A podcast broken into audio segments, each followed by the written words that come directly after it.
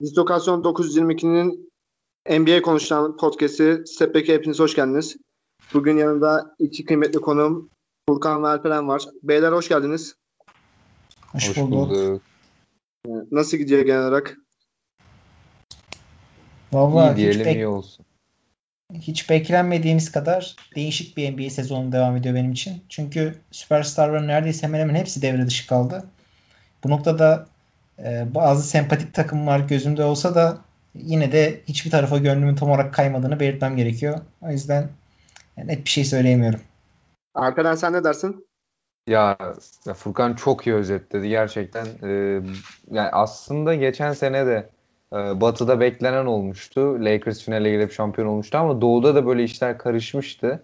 Ee, işte favori takımlar ikinci turda falan elenmişti. Ona benzer bir playoff oluyor. Ee, bakalım konferans finallerinde ne olacak? Anladım. İsterseniz e, Los Angeles Clippers'a başlayayım. E, benim üstün ihtisas yaptığım takım biliyorsunuz. e, Clippers bildiğiniz gibi bu sabah karşı e, Phoenix Suns karşısında 2-0 geriye düştü ama bu normalde NBA takımları için pek hayli alamet bir haber sayılmayacakken Clippers için aksine bence güzel bir haber çünkü e, playofflarda yani iki tur geçtiler ve bu iki turda da önce 2-0 geriye düştüler ve sonrasında seri geçmeyi bildiler.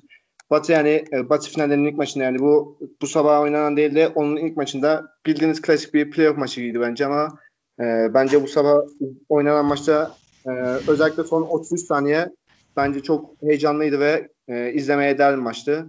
E, bu Aytun'u, DeAndre Ayton'u bayağı takdir etmek lazım. Çünkü buzzer sayacak bir maçı da kazandılar. Bu arada ilk iki maçta Clippers'a Clow yokken e, Phoenix'te de Spitz yoktu. Ve bana kalırsa Clippers Spitz olmadan deplasmanda bir maç çalmaydı ve eğer bunu cover olmadan yapsaydı ciddi manada hem psikolojik olarak hem de yani fiziksel olarak avantajlı konu ge- geleceklerdi ama dediğim gibi onlar için seri bence bitmedi ve şansları çok fazla. Ee, takım üzerinde oyuncular hakkında konuşacak olursak Kawhi Leonard'ın önceki seriler boyunca ne yaptığı e, ne yaptığını söylemeye gerek de yok bence. Ee, siz ne düşünüyorsunuz bilmiyorum ama KD ile birlikte playoff'ların en iyi iki oyuncusundan biri bence. Maç başına neredeyse 40 dakika oynayıp 30 sayı atıyor ve bunu çok iyi yüzdelerle yapıyor. Ve işin savunma kısmını zaten söylemeye gerek yok. Sakatlık e, sakatlık konusuna gelecek olursak onun e, raporlarda day to day yani günden güne değişebilen bir sakatlık haline geldi ve bence en geç 3. veya 4. maç hacı olmadı e, öteki deplasman turnesine katılacağını düşünüyorum. Ben yani her an kadroya dahil olabilir. Ya, galiba şey 3. maçta süre alması bekleniyormuş ama aynen, yani aynen. Ya playoff'ta gerçi riske edilir. Tam riske edilir, aynen. edilir mi diyecektim de playoff'ta olur yani her şey. Aynen ki 2019'da biliyorsunuz bu adam tek bacayla şampiyon şampiyonluğu aldı. Yani doğuyu aldı. Bence şimdi de tekrardan öyle bir şey yapabilirler. Yani ne kadar yani oyuncu sağlığı için ne kadar tartışılabilir bir şey bilmiyorum ama bence yapılması gereken bir şey mi emin değilim ama yapacaklardır. Ee, Koççuluğu için konuşacak olursak bence gerek yerli ve gerek uluslararası otoritelerin dediği gibi kötü ve ne yaptığını bilmeyen bir koç değil. Hatta elit seviyelerde olmayabilir ama ortalama bir üst bir koç. Yani siz ne dersiniz bilmiyorum ama maç içi tercihlerinde en azından bağnaz değil mesela.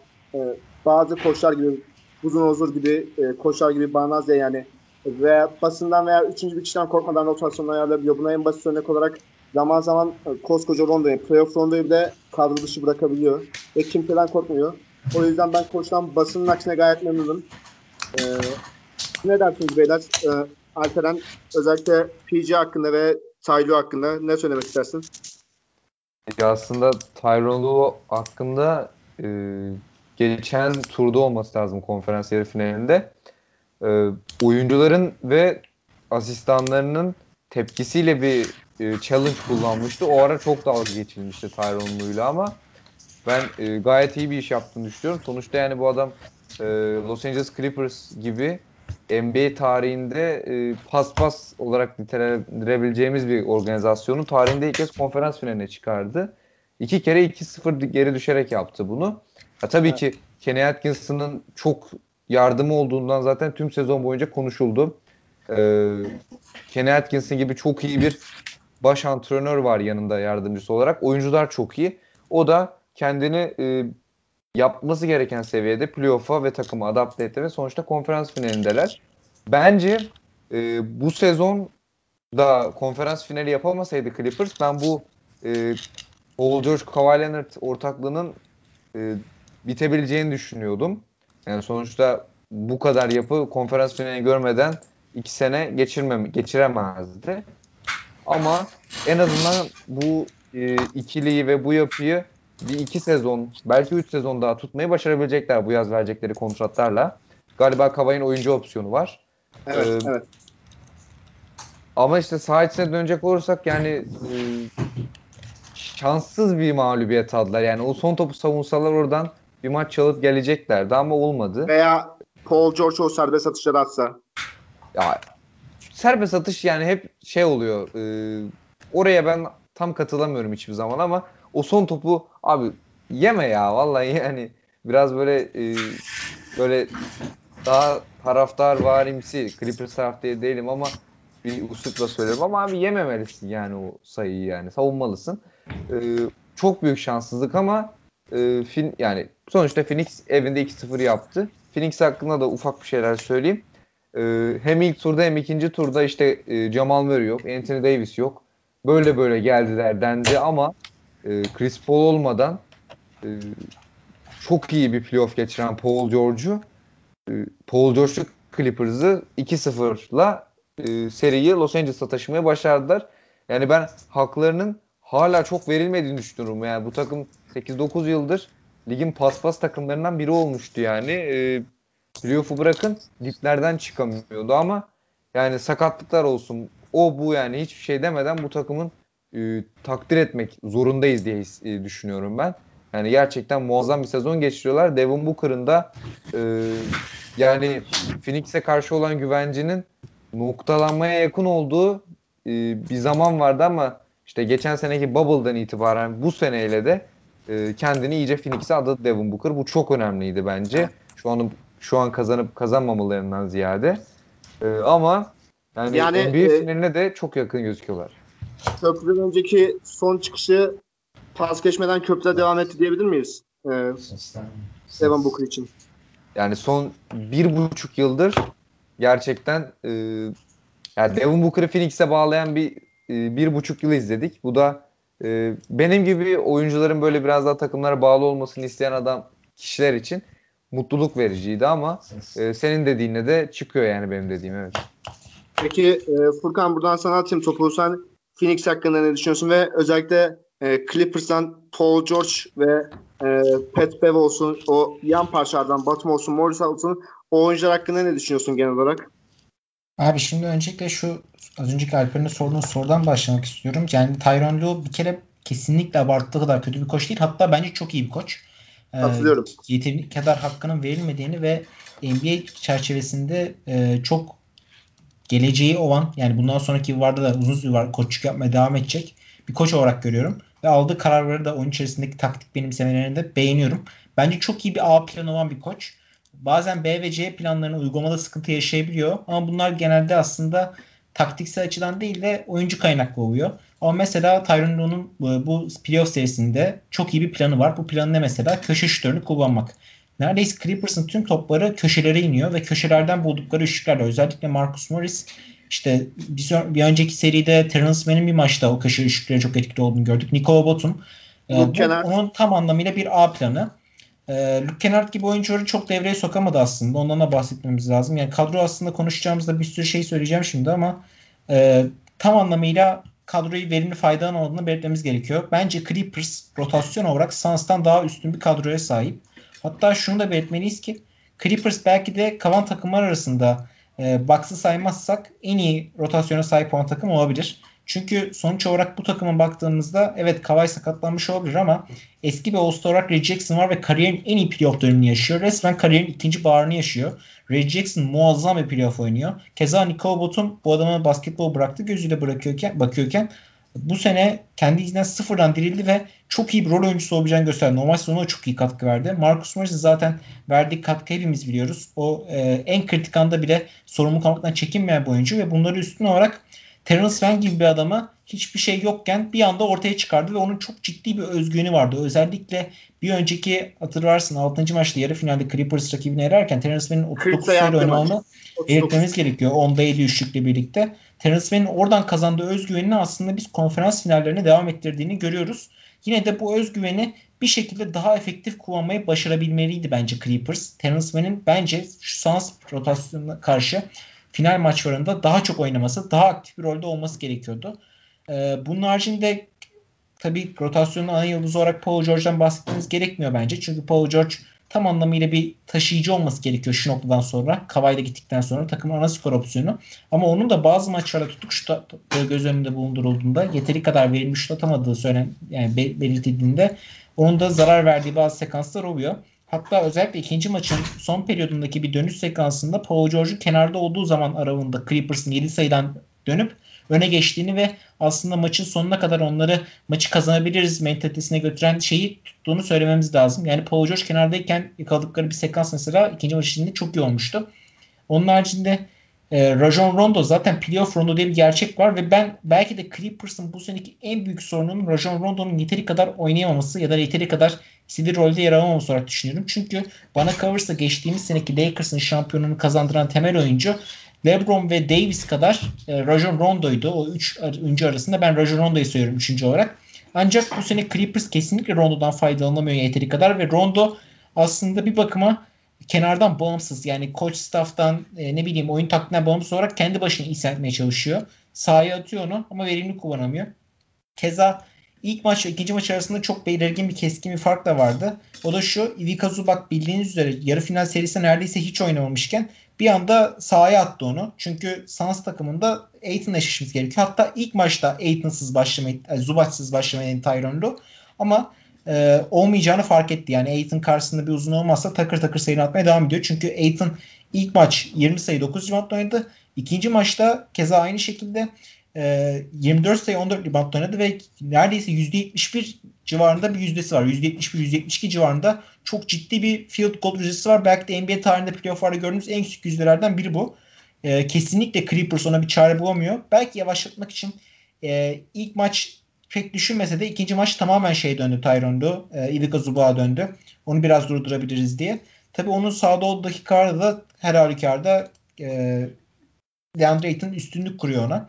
E, çok arada ciddi bir şey farkı var. E, yetenek farkı var. Çünkü Ayton orta mesafe atabiliyor. Ayton daha atletik. Keza game winner'da Ayton aslında e, pota dibinden attı. Yani e, hatta ikinci maçta 2-3 kere falan Aiton şey Zuba'yı posterledi çok net bir şekilde. Bu bakımdan Aiton'un çok ön plana çıktığını söyleyebiliriz ki aynı zamanda Aiton parantezi açmak da gerekirse Aiton belki de hayatının en iyi 2-3 ayını oynuyor. Şu son playoff'a başladığımızdan beri Aiton'un playoff performansı Aiton'un kariyeri boyunca görmediğimiz apayrı bir seviye. Kendisinin 2-3 level üstüne çıktı. Ee, ben hayretler içerisinde izliyorum. Hatta Phoenix Suns'ın bu noktaya gelmesindeki temel faktörün Devin Booker ve e, Chris Paul'dan ziyade Aiton olduğuna inanıyorum. Böyle bir düşüncem iddiam da var. Çünkü savunmayı Aiton toparlıyor. Aynı zamanda hücumda bir tane e, nasıl desem her şeyi bağlayan bir ağ gibi. Geçtiğimiz sene Miami final çıktığında Bam Adebayo nasıl bir görev üstleniyorsa sanki Aiton da o tür bir görev üstleniyor. Yani net bir şekilde belki geçtiğimiz sene Miami'de takımın skor opsiyonu Dragic diye diyorsak bunu atıyorum Booker diyebiliriz ama Bam Adebayo olmadan nasıl Dragic bir şey yapamadıysa e, şey olmadan da Aiton olmadan da belki Devin Booker bu kadar rahat ede- hareket edemez. Chris Paul bu kadar rahat hareket edemez. Diğer takım arkadaşlar rahat hareket edemez. Çok büyük bir sorumluluk oluyor. Yani e, bu adam baktığımızda ikinci maç 35 dakika oynadı. ilk maç 37 dakika oynadı. Yani neredeyse çok çok az dinlenebiliyor. Çok ciddi yoğunluk tempolarda maç yapıyorlar. Tabi burada Suns'ın e, şeye karşı Clippers'a karşı bir avantajı var. Avantajı var. Yarı final serisinde Suns 4-0 yendiği için e, 14'ünde bitirdi ayın maçlarını. Yani yarı final serisini. Finalde ilk maçı da 20'sinde oldu. Arada 6 gün dinlenme aralığı vardı Phoenix Suns'ın. Halbuki Clippers 48 saat bile geçmeden 36 saat sonra final maçına çıktı. Onun da ayrı bir yorgunluğu var. Çünkü Clippers'ın e, serisi uzadı. O bakımdan baktığımızda Suns'ın bu oyun planı Clippers'a karşı ne yapmak için, çalışmak için, düşünmek için, ayrıca dinlenmek için de vakti oldu. Bunun da pozitif etkilerini bence biz ilk iki maçta gördük. Bunu da belirtmem gerekiyor. Çünkü Suns'lı oyuncuların da e, Chris Paul gibi takımın ana beyni olarak nitelendireceğimiz ana isimden yoksun olarak ne kadar iyi bir oyun planı sahip olduklarını ve aslında tüm sezon boyunca biz izledikleri oyun karakterinden bir adım bile gelip adım atmadıklarını yani bir şey bile geri adım atmadıklarını gördük. Çok ciddi bir karakter koyuyorlar ve çok güzel bir oyun planı sunuyorlar bizlere. Evet belki ilk maç Devin Booker çok ciddi bir yükün altına girdi. Belki triple double yaptı. İşte Chris Paul'un görünüğü üstlenip asist yaptı. E, sayısını attı. Rebound aldı. İlk defa triple double yaptı. Çok görkemli bir triple double. Bunu belirtmemiz lazım. Ama şöyle bir durum var. İlk maçta evet Devin Booker yaptı ama ikinci maçta Phoenix Suns kazandı. Burada şey ortaya çıktı. Ee, Cameron Payne ortaya çıktı. Ama bu bize gösteriyor ki bu üçüncü maç olsa gene Chris Paul olmasa belki Michael Bridges ön plana çıkacak. Bir sonrakine belki yine Aiton ön plana çıkacak. Bir sonrakinde Cameron Johnson ön plana çıkacak. Yani takım öyle şey, öyle bir oturmuş ki öyle bir bir oynamaktan zevk alıyor ki her maç e, bu takımın kahramanları değişebilir. Ama bu takım her ne olursa olsun son dakika kadar savaşacağını bize gösteriyor ki aslında Alper'in dediği gibi eğer Phoenix Suns finale çıkmak için şu an çok büyük bir aday durumda gözüküyorsa bunun en büyük nedeni de bu. Takım arasındaki e, birbirine olan uyumluluk ve ne kadar e, her maç e, kahramanın değişmesi. Keza Aiton kahraman değişse bile hep o, o insanüstü performansına devam ediyor. Yani bence mükemmel bir sezon geçiriyor şu açıdan. Ve e, top 5 pivot arasında diyebilirim şu an ligin aslında. E, ve bence asıl beni şaşırtan ve şampiyon olacaksa Phoenix Suns şu.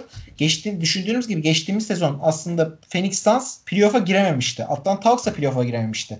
Keza e, Milwaukee Bucks'a Clippers'ta yarı finallerde rezil olmuşlardı. Clippers 3-1'den 4-3 kaybetmişti mesela. Bucks 4-1 Miami'ye kaybetmişti.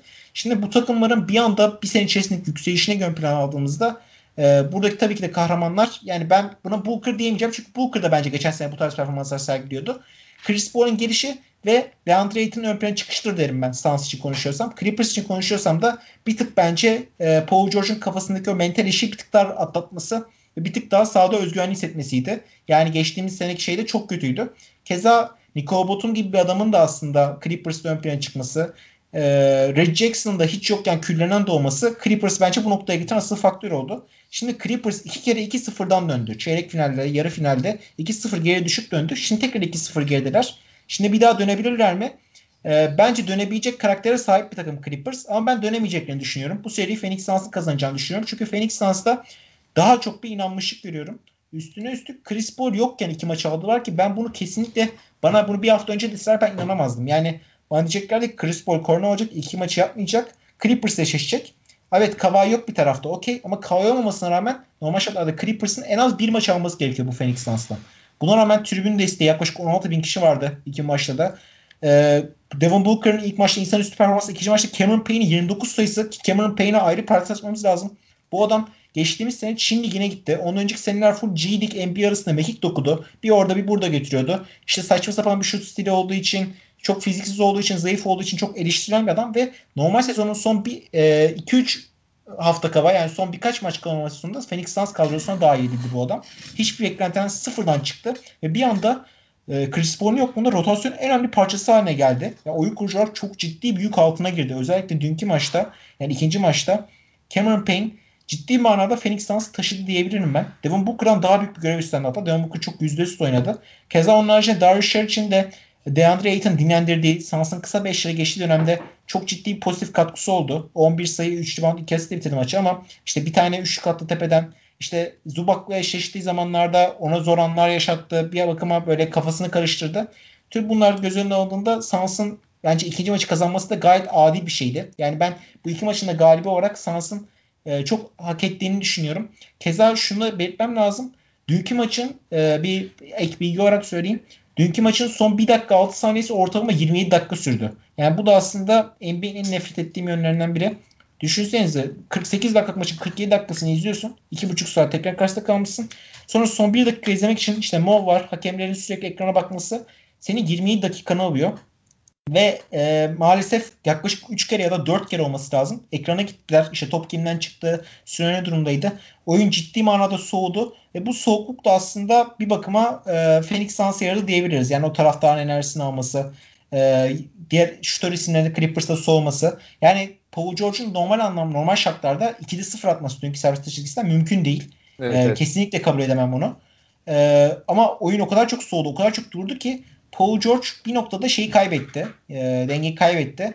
E, öyle olunca da Phoenix Suns'a kazanmak için bir şans oldu ve Jay Crowder'ın mükemmel çıkarttığı pasta DeAndre Ayton'un müdahalesi ben çok temiz. Orada işte basket değil diyenler çıkıyor buna ama kesinlikle katılmıyorum. Çok tertemiz bir basket ve Phoenix Suns'ın bence dün kazanması gerekiyordu. Tüm maçı önde götürdü çünkü. Clippers sadece bir, bir iki yerde öne geçiyor gibi oldu. Ve e, belki Luke Kennard'ın son çeyrekteki o insanüstü ek katkısı Clippers olmasa Clippers belki son çeyrekte o beraber de yakalamayacaktı. Sans orada koparıp gidecekti. Buna rağmen e, bir sonraki maçın ne olacağını çok merak ediyorum ama e, şunu net bir şekilde söyleyebilirim ki Chris Paul'un Covid kontrol, e, protokolünden çıkacağı ve 3. maça kesinlikle yetişeceği söyleniyor. Son 24 saat içerisinde 2 tane negatif test vermiş. Bu noktada 3. maç özelinde eğer Suns Clippers'ı Los Angeles'ta yenerse seri 3-0'dan sonra hayatta vereceklerini düşünmüyorum. Bu seri orada biter. Bir sonraki maç e, bence Suns için seriyi bitirme maçı olacak. Üstelik bir Chris Paul'e dönen Suns e, ben çok daha güçlü ve çok daha şey olacaklarını düşünüyorum. E, o yüzden final için benim favorim Phoenix Suns diyebilirim. Peki abi e, Kawhi Leonard'ın 3. maçta döndüğü bir senaryo hakkında ne dersin? Ve Kawhi Leonard'ın 3. maçta dönüp bir daha hiçbir zaman sakatlanmadığı bir senaryo hakkında ne dersin? Abi öyle bir senaryo yok. Çünkü Kawhi muhtemelen şeyini koparttı. Çaprazlarını, aşillerini. ACL sakatlığı yaşıyor. Öyle bir senaryo olma ihtimali %0.1 yani. Ee, çünkü bu NBA çevrelerine dillendirildi. Muhtemelen Kawhi bu sezonu kapatmasının yanı sıra önümüzdeki sezonda belli bir süre oynayamayacak. Ee, o yüzden sen bence Paul George'un lider olduğu ve işte yan katkı, yan parçalardan katkı alabileceği bir Clippers senaryosu üzerine konuşmamız gerekebilir. Yani atıyorum bu takımda kim ön plana çıkacak? Yani Paul George evet 25 sayı 30 sayı atıyor ama yani ekstra katkı orada verecek adam Rajon Rondo mu olacak? Ya da Red Jackson gene mi insan üstü oynamaya devam edecek? Üçüncü adam olarak kim çıkacak? Mesela Cousins'ten ilk maçta hiç beklenmedik bir katkı aldı Clippers. Hiçbir şey yokken onu sahaya attı. Rotasyon dışı kalmış tamamen. Hatta ben Cousins'in Clippers rotasyonunda olduğunu unutmuşum takım halinde. Bir anda sahaya girdi işte iki tane pot attı bitirdi fake attı. Bir tane üçlük attı tepeden. Bir anda böyle 9-11 sayıya çıktı. Ee, o çok cidden e, Tyron Lue'nun cebinden çıkarttığı bir sihir gibiydi. Bir e, şey gibiydi böyle peri cinden şey çıkar ya. Öyle bir şeydi. Yani öyle bir şey bulması gerekiyor kenardan. Luke Kennard'ın mesela hiçbir şey yokken 15-20 sayı atması gerekiyor. Ya da e, Roger Rondo'nun gerçekten ön plana çıkıp 3-4 tane üçlük sokması ve tamamıyla oyunu kontrol yapması gerekiyor. Evet Rondo 7-8 asist yapıyor ama bu asistler maçı kazandırmaya yetecek kadar değil işte. Onu belirtmek istiyorum. O yüzden e, bu rotasyonda ben Marcus Morris'in çok etkisiz kaldığını düşünüyorum şu an için. İki maçta bence çok sıkıntılı gözüktü. Rahat gözükmedi. O da sakatlandı yani. O tam sakat mı sağlıklı mı belli değil ama o da %100 sağlıklı değil yani şu Ama an. Bunun diğer etkisi de aslında Phoenix Suns'ın e, kısa savunmacıları. Yani Phoenix Suns'ın mükemmel bir dış rotasyon savunma oyuncuları var. Michael Bridges müthiş savunuyor. Yani belki işin hücum kısmında gözükmüyor ama e, 3 oyuncusu olarak yani üçlüğünü atıyor, defansını mükemmel yapıyor. Keza J. Crowder yani ilk maç evet biraz e, 13 sayı altına kesti sorumluluk aldı sayılan attı ama ikinci maç mesela hiç için hücum kısmında yoktu. Yani hiç. Oyun neredeyse çıkmadan yani e, kritik anların hepsini sağladı ve savunmasını yaptı ve bundan kesinlikle geri adım atmıyor. Atıyorum bir kavga oldu mu direkt araya giriyor, kendini gösteriyor. Kesinlikle müthiş savunma yaptı o da. Keza işte kenardan Cameron Johnson geliyor. Bir tık geri planda kaldı. Michael Bridges Jay Crowder çok ön plana çıktığı için ama onun da çok iyi bir savunmacı olduğunu ve çok iyi bir şutör oyuncu olduğunu belirtmemiz lazım. Keza Torrey Craig çok geride kaldı. Yani bu parçalardan bir iki tanesini de Chris Paul'un dönüşüyle birlikte oyunu sokması Phoenix Suns'ın e, işleri onlar açısından daha da kolaylaştırabilir. Çünkü çok zor bir ikinci maçı geride bıraktılar diyebiliriz. Anladım. Ee, ikinizin de bu seri hakkında ekleyeceği bir şey var mı herhangi bir şey? Benim yok. Tamamdır. İsterseniz buradan e, Philadelphia serisine geçelim. Daha doğrusu elenen Philadelphia hakkında konuşalım. E, onlar için biliyorsunuz bir daha bir sezondan sonra geldik ve belki e, bana göre çoktan bitmiş olan prosesin resmi yani dağılması da diyebiliriz onlar için. Bu sene ciddi manada bence bardağın taştığı son damla oldu. Yani yaklaşık 7-8 senedir süren proses olayı hiçbir major başarı hatta hatta Doğu konferansiyonu bile görememişi yani Doğu konferansiyonu bile göremedi, göremeden bitmiş olacak büyük, büyük ihtimalle. İlk olarak isterseniz Ben Simmons'la başlayalım. Simmons herkesin bildiği gibi berbat bir seri geçirdi. Gerek serbest atış çizgisinde gerek oyunun hücum yönünde ciddi manada sıfırın bile altındaydı hatta bence eksi yazdı. Ee, oynadığı son dört maçın dördüncü çeyreklerinde sıfır saha içi isabetli oynadı. Yani bu cidden şaka gibi geliyor ama ciddi manada saha içi isabeti sıfır. Yani ne denedi ne de den- denemediği için bunu e, isabete döndürebildi. Ve belki de tarihin en kötü serbest atış performansını gösterdi. Toplam 46 atış kaçırarak %32 bir rezil bir performans gösterdi ve bence Benjamin'in Seven Sixers kariyerinin bu saatten sonra bittiğini düşünüyorum ve açıkçası takas değeri bu kadar düşükken ki karşında neye alacaklarını bilmiyorum. Eğer birkaç önce bu adamı takaslasalardı belki de ligin en iyi ofansif yani 2-3 arasında gösterilen ofansif oyuncusu James Harden alacaklardı. Şimdi ise Dejante Murray türevi oyuncuları gösteriyorlar. Yani Murray ne kadar sevsem de asla Harden seviyesinde bir oyuncu değil. Yani bu piyasasının çok düştü anlamına geliyor. Ee, buradan Doug Rivers hakkında da illa birkaç kelime etmek gerekecek. Öncelikle basın toplantısında verdiği cevapla başlayayım ben. Siz ne düşünüyorsunuz bilmiyorum ama NBA'in en iyi iletişimci koçu denilen bu adamın verdiği cevap yani bu cevap gerçekten akla mantığa sığmıyor. yani seyircilerimiz, yani dinleyicilerimizin bazıları bilmiyor olabilir. Ee, Philadelphia basınından Abi sesin gitti. Basınından e, bir oyuncu e, daha doğrusu bir basın mensubu e, sizce Simmons şampiyon takımın point guard'ı guard olabilir mi diye sordu ve o şu an bu sorunun cevabını bilmiyorum dedi ve bence bu cevap cidden çok yani e, kötü bir cevap öylesine rezil bir cevap. Çünkü bu en iyi iletişimci koç güya ve bu adamın cevap verdiği cevap da böyle e, yaptığı şey saygısının ötesinde Simmons ne kadar kötü olursa olsun ve cidden ne kadar seversem seveyim berbat bir seri geçmiş olursa olsun oyuncusunun basının karşısında hele ki Philadelphia gibi değişik yani fanatik basının karşısında sahip çıkmak zorunda olduğunu düşünüyorum. Sağ içi coachingine gelecek olursak zaten gerek rotasyon olsun gerek playoff serilerinde olsun bence rezalet bir yönetim var. Ben bunu geçen sene e, Los Angeles'tayken de söyledim. E, gerek Boston'da kazandığı şampiyonluk haricinde olsun. O zamanlarda da yani ciddi manada e, sağ dışı yardımcıları sağ dışındaki yardımı hariç bence e, maç içinde sıfır ötesinde bir koç. E, bar, e, dipnot olarak şunu söyleyeyim. Doug tarihin en çok 7. maç kaybeden koçu istatistik olarak şu an zannedersem 7 veya 9 maç yani 7 veya 9 tane 7. maç kaybetti. Ve bana soracak olursanız e, tarihin en çok 7. maç kaybeden adamı Edith Koç sınıfının yanına bile yaklaşamaz. E, Alperen sen bu konu hakkında ne düşünüyorsun? E, ve ek olarak Embiid, Tobias Harris ve e, Doug Rivers hakkında ne düşünüyorsun? Fikrini alabilir miyim? Ya öncelikle Ben Simmons e, ya 2019 playofflarından gelen bir ona karşı zaten e, benim kişisel hoşnutsuzluğum vardı. Üstüne böyle playoff geçirmesi e, NBA izleyicilerinin tamamının ona karşı hoşnutsuz bir duruma dalga geçer bir kurum, e, duruma e, onu soktu diyebilirim. Doğru kelimeyi bulamadım kusura bakmayın. E, ama yani bu kadar da olmaz abi yani ben serbest atış yani DeAndre Jordan bile yani 12 serbest atış deneyip yani 4-5 tane sokup böyle %40'a yaklaştırdığı zamanlar olmuştu yani ki DeAndre Jordan e, örneği biraz uç oldu tabii ki yani yapılan faaller falan açısından ama yani son yılların en düşük yüzdeli faal atan adamını örnek gösterdim.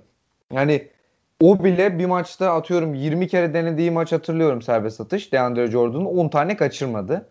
Ee, yani 14'te 4 filan faal atmak e, ne kadar kötü şutör olursan ol, ne kadar bozuk mekaniğin olursa olsun bence imkansız olmamalı yani. Şut denememek falan zaten ayrı rezillik. Ee, onun dışında Tobias Harris'in e, geçen sene hatırlarsanız geçen yaz çok iyi bir kontrat aldı yani Tobias Harris. Ee, kimse yani Philadelphia'da kalmasını herkes bekliyordu belki. Ama böyle bir kontrat almasını yanlış hatırlamıyorsam 5 yıl e, tam miktar hatırlamıyorum ama yıllık 180 30, milyon olabilir. E, yıl, yani yıllık 30 milyon doların üstünde bir para alacaktı Tobias Harris ki bunu yaparak e, hamle şansını iyice kitlemişti e, Philadelphia. İşte Al Horford'dan kurtulmalar filan biraz daha rahatlattığı takımı ama yani 3 e, tane 30 milyonun üstünde oyuncu yani yani 3-4 yılını ve hamle oyuncularını kitlemiş oluyorsun.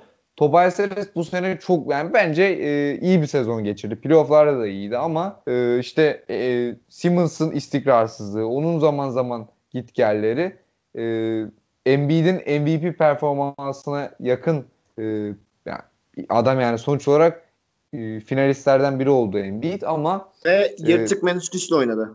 Evet evet. Yani sezon boyunca da aslında Tobias Harris'in oynamadığı zamanlarda hep yalnız kaldı neredeyse. Playoff'larda da biraz o baş, baş gösterdi ve sonuç olarak e, iki tane korkunç maç verdiler. E, bir tanesi işte Twitter'dan da Philadelphia'nın dalga geçerek paylaştı. İşte ilk yarıyı 62-40 önde bitirip e, kaybettikleri, içeride kaybettikleri bir maç var. Ve 20 küsur sayıdan.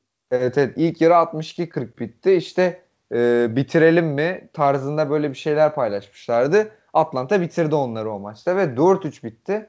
Gerçekten e, NBA 2K simülasyonundan zıplamış bir playoff var. Atlanta'nın falan böyle konferans finali yapması. İşte Phoenix Suns'ın bir yılda 10'unculukta konferans finalinde 2-0 öne geçecek duruma gelmesi falan. Ee, dışarıdan izleyince zevkli ama e, yani Philadelphia'nın içinde böyle Simmons'ı ben %90 takaslanacağını düşünüyorum. Bilmiyorum sizin fikirleriniz neler ama ben kesinlikle e, katılıyorum. Nasıl bir paket bulacaklar o da soru işareti. Çünkü e, ya NBA'deki medyanın takaslara etkisi gerçekten e, olmaması gereken düzeyde fazla yani. Yani medyanın şişirip e, düşürdüğü oyuncular e, taraftarların gözünde ve taraftar tepkisiyle nasıl karşılaş yani karşılaşınca e, paketlerde yansıyor bu takas paketlerine. E, ben Simmons'ın da ben bu playoff'la iyice değerinin düştüğünü düşünüyorum ama yani e, doğru yapıda istemeyecek takım yoktur ama o doğru yapıyı Simmons için kuracak takım modern basketbolda var mıdır? Çok emin değilim. Ben bu Simmons konusunda sana aşırı katılıyorum ve yani biz burada bu adam belki burada çarmıha gereği olabiliriz ama daha önce geçmişte yaptığı iş gerek All-Star'lar olması gerek e, All Defensive timlere girmesi ciddi manada ben çok severim kendisini. Çok iyi bir oyuncu bulurdum ta ki bu seriye kadar. Bence buradan kalkmasını da bilecek ama yani bu saatten sonra bence Philadelphia macerasının gitmesi gerekiyor. Dediğin gibi Atlanta Hawks bir senede konferans finali yani playoff'u geçtim konferans finali oynayacak seviyeye geliyor. Bu Philadelphia ise yıllardır e, ikinci sürü geçemiyor. Cidden bence aşırı komik bir şey. E, belki Kawhi'nin o şutu, gel, e, o gelmeseydi geçebilirlerdi. Onda da belki kesin olarak bir şey diyemiyorsun çünkü. E, ama bence bu yapının artık ciddi manada bozulması yani yıkılması gerekiyor. Yeniden Ribuli dönemine girmeleri gerekiyor. Furkan Aslında sen ne dersin bu konuda? 3 sezon önce şey e, çok pardon 3 sezon önce 18-19 olması lazım. E, Toronto'ya senin de bahsettiğin Toronto'ya elendikleri seri e, o seriden ziyade playofflardan ziyade de, o sezon içinde Jim Butler'ı da takıma katmışlardı. Ve e, sonra işte Jim Butler'a devam etmediler ama e, ve lafını bölüyorum yapı... ama Jimmy Butler'ın yollanmasında bir numaralı e, oyuncunun da Ben Simmons olduğu hakkında söylentiler e, yok değil. Şu an ben takip ediyorum. O konuda ciddi manada söylentiler ne yazık ki var. Ya e, o yapıyı kurduktan sonra Jim Butler'ı daha uzun süreli istiyorlardı ama işte o iş e, Embiid biraz daha e, ön plandaydı Jim Butler'ın ayrılmasında bence. Ama o yapıyı kurduktan sonra işte Harris, Butler, e, Embiid, Simmons o dörtlü arasından bile Simmons'ın biraz daha geri planda kaldığı ve elden çıkarılacağı düşünüyordu. 3 sezondur öyle bir hamle yapmadılar ama en sonunda e, açtığı zaaflar yani delirdiği ve işte 30-40 atıp inanılmaz içeriği domine ettiği maçlar da oldu ama playofflarda işte o verilmediği anda içeriği vermedikleri zaman da böyle işler oluyor. Ve en sonunda o 3 yıl önce Tobias Harris Butler'ın takıma katılmasıyla başlayan Simmons'ın gidecek mi acaba söylentileri de bu yaz e, iyice e, yankı bulacaktır ve eylemede dökülecektir. Ben bu konuda katılıyorum. Furkan sen bu konuda ne dersin özellikle Philadelphia ve Derek Rivers konusunda? Şimdi şöyle e, hatırladığınız üzere 4-3 yenildiği Sixers'ın dönemde Brett Brown bir karar almıştı. Hücumdaki topları Ben Simmons yerine Jim Butler'a teslim etmişti. Jim Butler şey kuruyordu. E, hücum yönetme görevini Jim Butler'a bırakınca e, topsuz oyunda görev alması lazım Simmons'ın ama bundan mutsuz olduğunu düşüneceği için Sixers ve geleceğini Simmons'la gördüğü için e, Butler sözleşmesini uzatmayarak sorunu ortadan kaldırmayı düşünmüş ve e, bu şekilde yollandı aslında. Böyle bir iddia var Butler'ın yollanması açısından. Keza e, Atlanta serisinin hayal kırıklıklarından biri de e, hangi maç olduğunu hatırlamıyorum. Bir maçta Ben Simmons'ın potu altında boş turnikeyi atamaması ve devamından gelen süreçte Trey Young'ın bulduğu üçlükle birlikte Atlanta'nın maça dönmesiydi. 7. Muhtemelen... maç son maç. Evet. O bir dönüm noktasıydı. Mesela Joel Embiid de bir maçtan sonra ona imava açıklamada bulundu. Yani eğer o turnike yapmış olsaydık biz kaybetmezdik. Orada maçın şey dönü tarzında bir açıklamada bulundu. Mesela Joel Embiid de bir taş attı Ben Simmons'a. Şimdi bir Jim Butler taş attı. Bir Joel Embiid taş attı. Ee, bir de Doug Rivers taş attı. Dediği gibi Simmons'ın geleceğini nerede gördüğü sorulduğunda orada pek bir şey söylemiyorum, diyemiyorum dedi. Keza çok da bir spekülasyonlar var. İşte Simmons'ın şut sorunu olduğu için, şut mekaniği sorunu olduğu için acaba mekanik değil de el mi sorunu? Çünkü Simmons her iki, elinde kullanan bir oyuncu olduğu için e, yıllardır sol elini ağırlıklı kullanıyor şut atarken. Yani şut atarken de bir şut atmıyor da orta mesafe atarken işte. Acaba sağ ile mi şut atsın diye düşünerekten seneye sağ eline geçmeyi düşünüyorlar. Yani bu da aslında bir hiç beklenmedik bir soru işareti. Yani çok da iyi olabilir, çok da kötü olabilir. El değiştirecek. Keza e, şimdi baktığımızda Ben Simmons Philadelphia'dan gitmek istemiyor. Çünkü Philadelphia sonuç olarak onu draft eden, ona kapılarını açan ve yıllardır e, bir uyum sağladığı bir takım. Yani Simmons'a kalsa oyuncuya kalsa tabii ki de gitmek istemeyecek. Yani istemiyor. E, bunun sonucunda da e, Philadelphia'nın da göndermesi gerekiyor. Çünkü olmadı. Uymuyor. Yani Joel Embiid gibi uzun adam birebir oynamak için sürekli fırsat bekleyen bir adam varken sen Simmons'a top veremiyorsun. Çünkü Simmons dışarıdan şut katkısı veremiyor. Onun da içeride oynaması lazım. İki tane koca adam da içeride olmuyor. Keza e, Simmons son çeyreklerde dediğin gibi sadece 4 isabet buldu e, 7 maç boyunca. 4 isabet oranı bulmasının temel sebebi de şu. Son toplarda Simmons'a top vermiyorlar. Çünkü top Simmons'ta olunca hekeşak taktiğini uyguluyorlar. Yani top Simmons'a neyse foul yapıyorlar. Çünkü Simmons berbat bir playoff servis dışı yüzdesi geçiriyor.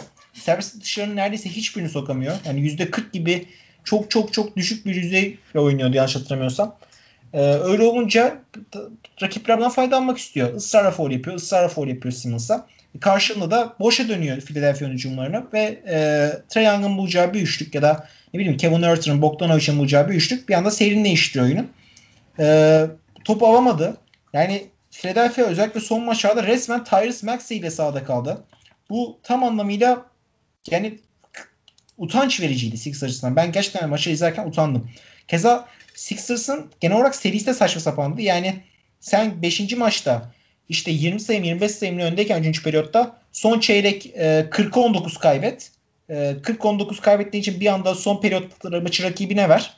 Rakibine e, 6. maçta Atlanta'da seri bitirme şanslarını sonra git Atlanta'da rakibini yen sonra 7. maçta kendi taraftarının önünde yeni rakibine ve seriyi ver. Yani tam anlamıyla bir utanç verici bir sezon Sixers açısından. Ve e, aslında baktığımızda Danny, Danny Green hariç bir sakatlığında olmadığı bir sezon aslında. Ama sen Ben Simmons'ı yani takımın yıldızını son çeyrek oynatamayacak noktaya getiriyorsan, sağ tutamıyorsan, işte Tyrese Maxey'den ne bileyim Shake Mitchell'dan ne bileyim işte e, kenardaki George Hill'den medet ummuyorsan ya olmayacağı bariz açık bir şey. Tam anlamıyla zaten Seth Curry taşıdı. Özellikle 6. maçta e, maçı uzatmaya götüren yani bu şey yapan Seth Curry'nin inanılmaz şut katkısıydı. Keza 5. maçta da çok e, büyük oynadı ama saçma sapan yediler son periyot. Yani ilk 3 periyot çok iyi şut atması yetmedi. Onun haricinde Danny Green'in yerine geçen Furkan da yeterli miktarda katkıda bulunamayınca e, yani bu seri kaybetmesi kaçırılmaz hale geldi. Öte yandan Atlanta geçtiğimiz sene yani bu takım 14. oldu ya. Playoff'a giremedi. Yani ekleme yaptılar mı? Yaptılar. Evet Bogdanovic aldılar. İşte Lou Williams aldılar ama yani takımın aslında oyun karakteri aynı. Yani lideri hala e, bu takımın Trey Young. Ve Trey Young gerçekten şut atamasa bile yani 7. maç 11'de 2 mi üçlük attı. Yine de büyük oynamayı başarıyor. Yani e, farklı kahramanlar çıkıyor takım içerisinde. Çünkü takımdaki 5 oyuncunun da belli bir seviyesi var. İşte Capella çok iyi bir e, arkada savunma tehdidi, blok tehdidi, çok iyi bir ikili oyun bitiricisi. İşte pick and roll oynayabilirsin. Ne bileyim John Collins var. All-Star olmuş bir oyuncu. Dışarıdan oynayabiliyor, içeriden oynayabiliyor. E, tam anlamıyla aslında Sixers'ı en büyük zorlayan oyunculardan biri de o oldu. Ne bileyim Kevin Huerter hiçbir şey yok. Yani maç ortaya çıktı ki biz Kevin Huerter'ı en son ortaya çıkacak kişi olarak beklerim ben bu takımdan. İşte Trey Young kötü oynamasına rağmen işte gitti e, onda bir üçlükle gidiyordu. Ama son iki dakika maçın en kritik yerine 7. maçta kaldırdı. Üçlünü soktu yani. Orada sahanın azıcık ilerisinden. Üç krizinin bayağı gerisinden. O çok kritikti. Ya Bogdanovic aralarda çok kötü oynadı. Aralarda çok iyi oynadı ama bir şekilde katkı veriyor. Galinari bence e, Sixers serisinin asıl yıldızı. Yani Galinari gizli kahraman oldu diyebilirim bu seri üzerinde konuşmak gerekirse. Ya bence Lou Williams'dan falan da çok iyi katkı alamıyor. Yani Lou Williams'ın daha skorer bir oyun bekliyorum ben Lou Williams'tan normal şartlarda ama e, onu çok etkisiz kullanıyorlar. Yani aslında bu takımın rotasyonu da çok kötü. Yani kenardan gelen adam var. Lou Williams, Onyeka Okongwu, Solomon Hill. Bu takım 6 kişilik rotasyonla oynuyor Atlanta Hawks. Buna rağmen Sixers elmeyi başarmaları ben e, şeyin aptallığına yazıyorum Sixers koşunun. Yani 2008 şampiyonun hala ekmeğini yiyor. Ee, Aynen öyle abi. Sana kesinlikle bu konuda %100 katılıyorum. Kesinlikle e, saçmaladı yani rotasyon tercihinde, kadro tercihinde. Abi resmen Seth Curry e, bana karşı sonuç maç tek başına bir şeyler yapmaya çalıştı Joel Embiid'le birlikte. Ama iki oyuncuya karşı karşıda en azından 6 kişi rotasyon olsa da bir takım oynamaya oynamaya çalışan bir takım var. Öyle olunca da yeniliği kaçınılmaz oluyor. Ama normal şartlarda Sixers'ın bu seriyi rahat geçip üstüne üstlük belki de şampiyonun en büyük favorisi olması gerekiyor. Çünkü Danny Green büyük bir sakatlığı yok. Joel Embiid gibi sezonu MVP seviyesine geçirmiş bir oyuncuları var. Keza Ben Simmons'ın da işte hep siz konuştunuz önce ne kadar iyi bir oyuncu oldu, kaderli bir oyuncu oldu ama bu playoff'ta tam anlamıyla bence playoff'un en kötü oyuncusu gibi oynadı. Yani bir oyuncu nasıl basketbolun temel kuralı nedir abiler? E, potaya şut atmak değil mi? Yani topu evet. potanın içinden geçirmek. Ben Simmons top potaya atmak ve top potanın içerisinden geçirmek haricinde her şeyi yaptı. Yani potanın dibinde bitiremiyor. Servis dışarı sokamıyor. Ee, zaten dışarıdan şut zaten yok. Orta mesafe zaten yok. Özgüveni bence abi e, futbolda Alvaro Morata ile bence çok benziyor. Ve özgüveni ciddi manada yerle yeksen olmuş durumda bence şu an. Hele ki o dediğin 7. maçta e, reverse yapıp dönüp smaçla bitirmemesi, topu Tybal gibi kötü bir kendisi gibi kötü bir şutör olan e, Tybal'a çıkarması ciddi manada bence Simmons'ın mental açıdan yardıma ihtiyacı olduğunu düşünüyorum ha, ben. Sixers'ın en büyük kazanımı bence Matisse Thybulle. Thybulle ciddi anlamda bence çok iyi playoff geçirdi ve e, önümüzdeki sene ben Furkan'ın da önüne geçmesini bekliyorum rotasyonda. Bence çok iyi bir potansiyeli var. Savunma kısmı okey. Hücum kısmında halledebilecek gibi duruyor. Yani 3 ND oyuncusu olabilecek gibi duruyor. Ama yani abi James Harden neden almadı bu takım? Tyrese Maxey'i vermek istemediği için almadı ya. Ya ben inanamıyorum. Evet şey kafadaydı. Ben Simmons konuşuldu. Ben, Daryl Morey de şey razıydı. Ben Simmons vermeye razıydı ama yanında Tyrese Maxey istediler. Ne bileyim ee, bir, bir, birkaç kişi daha istemişlerdi. Unuttum şimdi de. Ama Tyrese Maxey ekseninde Tyrese Maxey vermeyi istemedikleri için gitmedi. Ya bunun için değer miydi? Yani bu takımda şu an Ben Simmons yerine James Harden olsa muhtemelen sakatlıkla yaşanmamış olacaktı. Ee, Sixers bu sene çok rahat şampiyon oldu diyebilirim. Yani Joel Embiid gibi adamın yanında Harden gibi bir adam olsa ya inanamıyorum yani bu rotasyonun bu kadar harcamasına. Evet onlar belki e, iki sene önce Kavay o şutu atmasa 7. maça giden Toronto kaybetmeseler gene şampiyon olacaklardı o sene. Ya da ne bileyim işte bu sene bu takas olsa yine şampiyon olacaklardı. Ya da işte Doug Rivers saçma sapan karar olmasa bu sene yine şampiyon olma şansları vardı. Ama tam anlamıyla kendi elleri çöpe attılar. Yani ben Atlanta'nın gerçekten finalde çıktığına hala inanamıyorum. Yani Atlanta gibi bir takımın. Geçen sene 14. olan bir takımın. Ben şunu iddia ediyorum e, sağlıklı bir rotasyon oynansa yani ligde sağlıklı rotasyonla takıma eşitse Atlanta en az 10 takım yener. Bence bana kalırsa. Yani e, playoff şansı da demeyeceğim ama takım olmanın ruhu, işte birbiriyle oynamanın özgüveni, Trey Young'ın geri adım atmaması e, bunlar bir şekilde Atlanta'yı ön plana çıkardı. Yoksa Peki abi e, rotasyon olan bir takıma konuşuyoruz ve işte arada Bogdanovic çok kötü oynuyor. Arada Hurter çok kötü oynuyor. Yani ben şampiyon olma şansını görmüyorum bu arada Atlanta Hawks'ın. Onu söyleyebilirim size. Yani o seriyi muhtemelen e, Bucks 4-0, 4-1, 4-2 bitirecek. Yani o maçı o serinin e, 7. maça gitme şansı yok bence. Bence Atlanta buraya gelirken şanslı mıydı abi? Yani bu seride, seri üzerinde veya playofflar üzerinde veya sezon üzerinde. Abi işte onu diyemiyorum zaten. Asıl sorun o. Çünkü Atlanta ciddi manada e, takım halinde iyi oynuyorlar. Evet mesela Knicks'le eşleştiler çeyrek finalde. Knicks normal sezonda yıkıp geçti ama playoff'ta Randall resmen kayboldu. onu konuşamadık ama neyse. Yok oldu. Orada, orada bir tık şanslıydı belki Knicks serisinde. Evet Knicks serisinde takım olmanın ödülünü aldılar ama Sixers serisinde yani ciddi manada şok edici bir şey yani. Ama ben e, Bucks'a karşı... Philadelphia mı altın tepsi hediye etti ona seriyi? Abi Brooklyn Nets oynasa Hawks bence Nets elerdi ne bileyim ya da e, Jazz'la yapsa var o seriyi Jazz kazanabilirdi. Bilemiyorum şimdi tam ama e, Clippers yapsalar Clippers kazanırdı. Yani bir tık aslında e, Sixers'ın eşekliği yüzünden de olduğunu söyleyebilirim yani. O noktada şey demeyeceğim. Ama e, nasıl desem 10 üzerinden 6'lık 7'lik bir oyun oynuyorlar her zaman. Ve bazen rakipler e, 10 üzerinden 4'lük 5'lik olunca 6'lık onların üstünde geliyor ve e, en azından belli bir standartta oynamanın karşılığını ödülünü alıyorlar. Yani bence Hawks en güzel özetleyen durum bu oluyor benim e, bakış açıma göre. E, mesela 7. maç hiçbir şey yokken Hurter'ın sahneye çıkması falan çok acayip. E, ne bileyim e, Lou Williams'ın rolünü kabul etmesi. Yani Lou Williams normalde sahada o kadar az süre almayı kabul edecek ya da o kadar şut atmayı kabul edecek bir oyuncu değil. Ben onda çok şaşkınım hala. Keza abi getirdikleri adam Onyeka Okongwu ile Solomon yani akıvavır gibi değil. Bunlar rotasyon oyuncusu bile değil ya. Yani e, ciddi manada takdir ediyorum Atlanta Hawks'ın Nate McMillan'ın yaptıklarını. Yani bence Nate McMillan çok underrated ediliyor şu an gözümüzde. Harika bir koçluk çıkarıyor. E, Sixers içerisinde konuşursak da yani e, ben çok daha umutluydum. Tobias Harris'in ciddi manada e, sınıfta kaldığını düşünüyorum. Yani Joel Embiid'e bence yeteri kadar yardımcı olacak kadar yıldız performans sergileyemedi Tobias Harris. Abi peki Embiid'in e, bu son iki maçta ne kadar fedakarlık yapmış olursa olsun, yırtık menisküsü oynamış olursa olsun e, birazcık da gayri nizami hakkın gayri nizami oynaması hakkında ne düşünüyorsun? Çünkü iki maçta toplam 16 turnover top kaybı bence çok normal rakamlar değil. Sen ne düşünüyorsun bu konuda? Abi takımda iş yapacak adam yok. Bir Seth Curry'nin eline bakıyor. Bir Joel Embiid'in eline bakıyor dediğim gibi. Bir de yetenek kadar ön çıkamıyor. Evet belki 24-25 sayı olabilir ama oyun içerisinde baktığımızda Tobias Harris'in sadece böyle periyot periyot ön plana çıktığını ve genel olarak sindiğini görüyoruz maçın içerisinde. E sen ya Seth Curry şut kullanacaksın ya Joel şut kullanacaksın. Seth Curry günün değilse atar, günün değilse atamaz. O bakımdan Joel Embiid'e her top düşüyor. Ya da takım taktiği de işte Furkan Korkmaz da Joel Embiid'e indirmeye çalışıyor. George de Joel Embiid'e indirmeye çalışıyor. Onun birebirler üzerinden inşa edilen bir takım olmuş Sixers. Öyle olunca da top kaybı kaçınılmaz. Adam hem e, yüzde yüzünde değil. Yani sakat evet sakat olması ne kadar şey değiştirir bilmiyorum. Yani belki e, bu sakatlıkla final de oynayabilirdi. Yani gidebilirdi, ilerleyebilirdi. Onu dert etmezdi bence Joel Embiid. Ama asıl soru şu. E, yüzde yüzünde olmayan bir adam bu kadar sorumluluk yüklemek ve takımdaki bu şeyleri dağıtmak, paylaştırmak ne kadar mantıklı. Yani bu adam sahadayken Shaq Milton'ı sahaya atmak, George Hill'i sahaya atmak, Tyrese Maxey'i sahaya atmak ne kadar mantıklı bilemedim. Ben Simmons için de şöyle takas şeyleri düşünülüyor.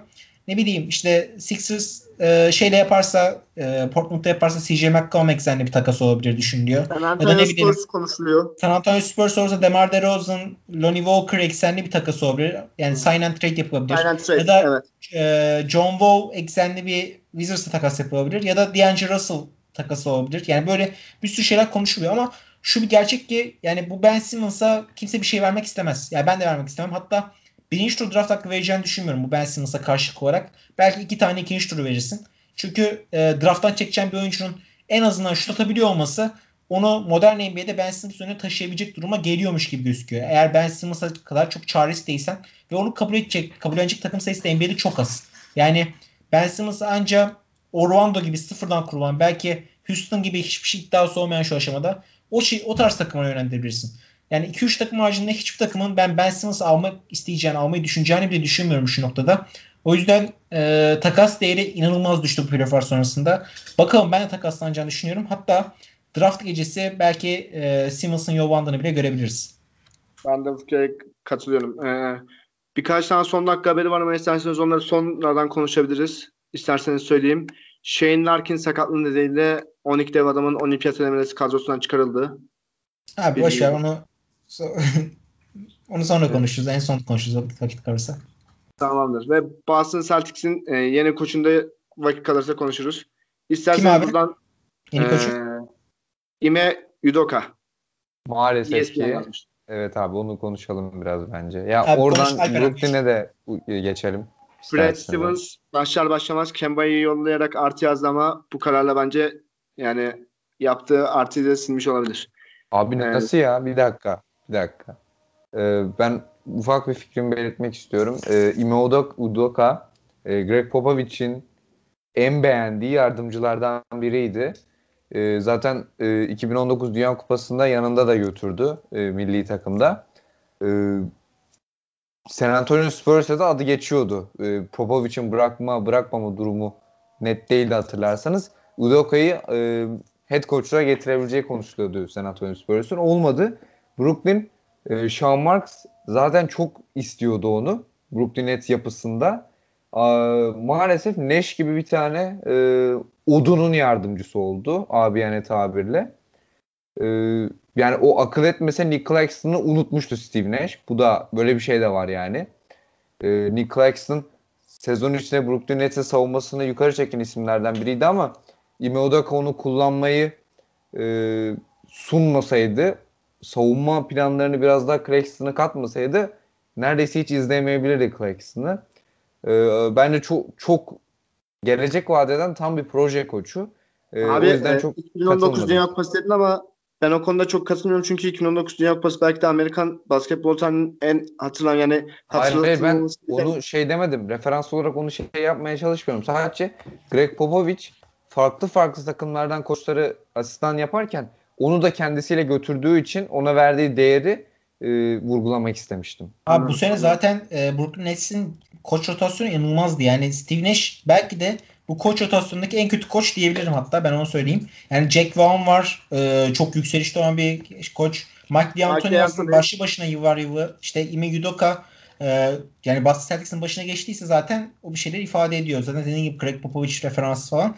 Keza işte abi kenarda e, oyuncu koçu olarak Amare Stoudemire var. Thiago Splitter var. Ne bileyim E, keza oyuncu geliştirme koçu olarak Adam Harrington var. Bu isimlerin hepsi e, baktığımızda belki de NBA tarihinin en güçlü e, yardımcı koç staffına sahipler. Mesela Clippers'ın da ko- koç staffı çok iyi. Ne bileyim Kenny Atkinson var dediğin gibi işte Chauncey Billups var. E, Larry Dree var ama yine de Nets'in e, staffı bu sene belki de en kuvvetlisiydi ve e, bu stafftan e, Ime Udoka'nın koç olarak çıkması da bence e, dikkat çekici. Ben şeyi de bekliyordum yani Mike D'Antoni'nin de bir takım başına bekliyorum. Portland ile anlaşılabilir. Evet Portland ile anlaşabilir. Keza Jack Vaughn da önümüzdeki 5-10 içerisinde muhtemelen bir koç olacak bir takıma. Yani onun da çok geleceği çok parlak. Ee, tüm bunların arasında Steve Nash'in de şu Brooklyn Nets kadrosuna koçluk yapması e, gerçekten benim açımdan çok komik bir sezon başlangıcı olmuştu aslında. Ama yine de dediği gibi işte, işte Nick Claxton çıkarma risklerden işte e, takım bir şekilde 3 süperstar varken yönetmeye çalışmaları falan filan e, takdir hak ediyordu. Onların elenmesi de kötü oldu. İstiyorsanız Brooklyn Nets serisini konuşalım şimdi. Tabii ki. Ee, burada ben direkt başlamayayım hatta direkt topu Alperen'e atayım. Çünkü onun yüksek alan bilgisi. Abi istersen sen buyur başla. Ya e, aslında ya çok güzel bir seri oldu dışarıdan izleyenler için ama biraz yani Brooklyn'lerin kalbi kırık. Milwaukee'li birkaç arkadaşım var.